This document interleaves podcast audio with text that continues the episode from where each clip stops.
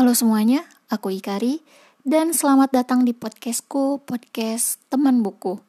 Bagi yang belum tahu ini podcast apa, ini adalah podcast yang mengulas buku-buku yang pernah aku baca dan juga bakal ada beberapa obrolan random seputar buku. Entah itu mungkin buku favorit atau rekomendasi buku. So, buku apa yang akan kita bahas kali ini? Keep listening.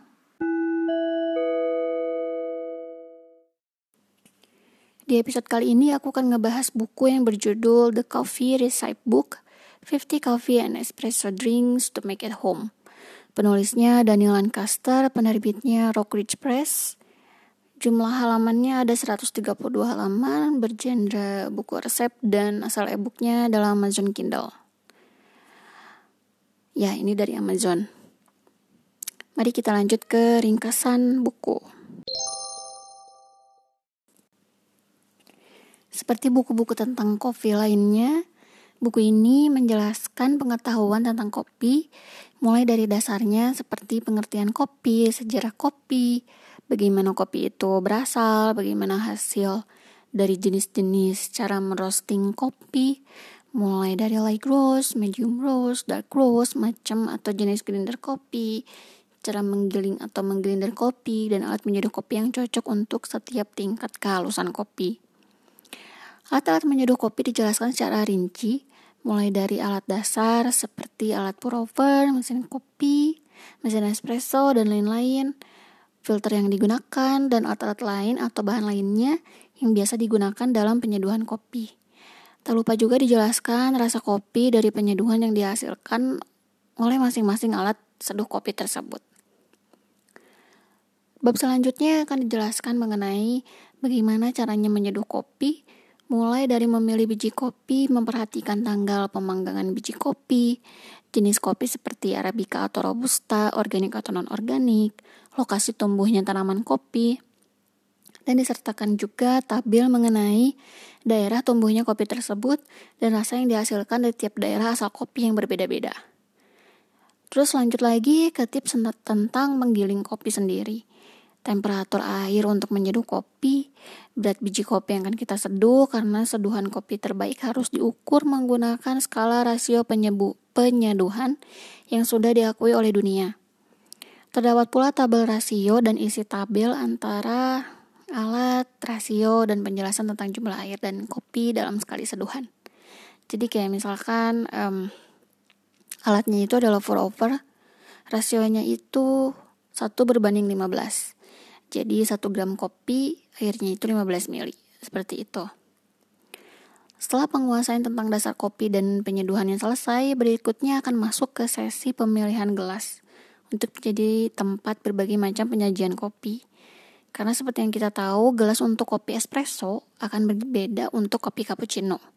Dikarenakan volume air yang dihasilkan berbeda dan bahan yang dicampur di dalamnya juga berbeda ya kalau espresso kan paling gelasnya pasti kecil dan itu paling juga cuman beberapa mili 30 apa 60 mili. Kalau cappuccino kan memang pada bahan dasarnya itu adalah espresso tapi ditambahkan susu sekitar berapa mili jadinya perlu gelas yang lebih besar. Apalagi kalau misalkan ditambahkan es itu perlu gelas yang lebih besar lagi di bab berikutnya akan ada banyak sekali resep campuran kopi yang bisa dipraktikkan di rumah. Banyak banget, sesuai dengan judulnya, ada 50 resep. Oke, segitu ringkasannya. Kita lanjut ke review buku.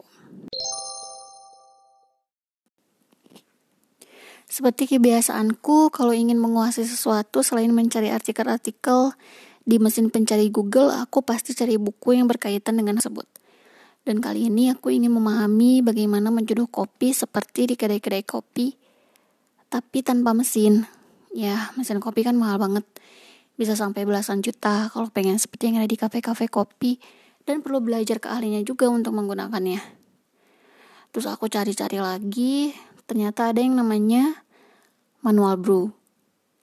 Ya, alat manual brew seperti French press, pour over, dan yang lain-lain.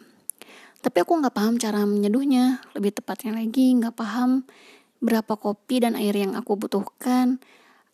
Air panasnya itu temperaturnya berapa buat menghasilkan satu gelas kopi yang enak. Ya sebenarnya banyak banget sih buku kopi yang ngebahas tentang resep kopi. Tapi lebih ke resep aja gitu, nggak nggak semendetail ini. Nah, yang cocok buat pemula menurutku ya buku ini karena ini amat sangat detail.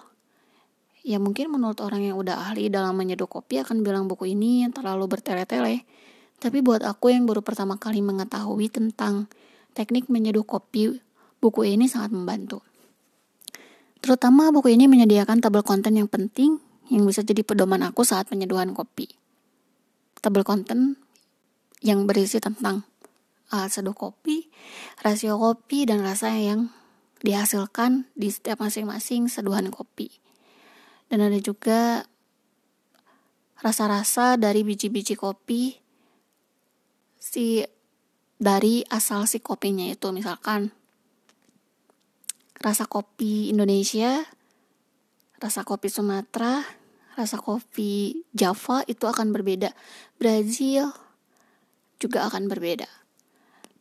Nah, selain tabel konten, hal bagus lainnya yang bisa dapetin dari buku ini adalah resepnya. Resepnya jelas banget terperinci dari mulai alat yang digunakan, tingkat kehalusan kopi yang diperlukan, dan jumlah bahan yang digunakan dan juga cara pembuatannya. Dan voila, kopi rumahan ala cafe siap diminum dan gak perlu lagi deh keluar uang banyak buat beli kopi.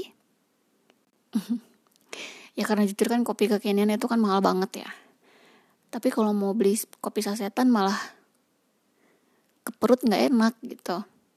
Nah jadi aku belajar menyeduh kopi ya dari buku ini.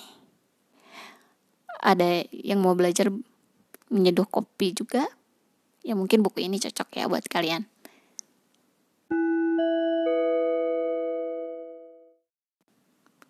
Terima kasih sudah mendengarkan podcast ini sampai habis.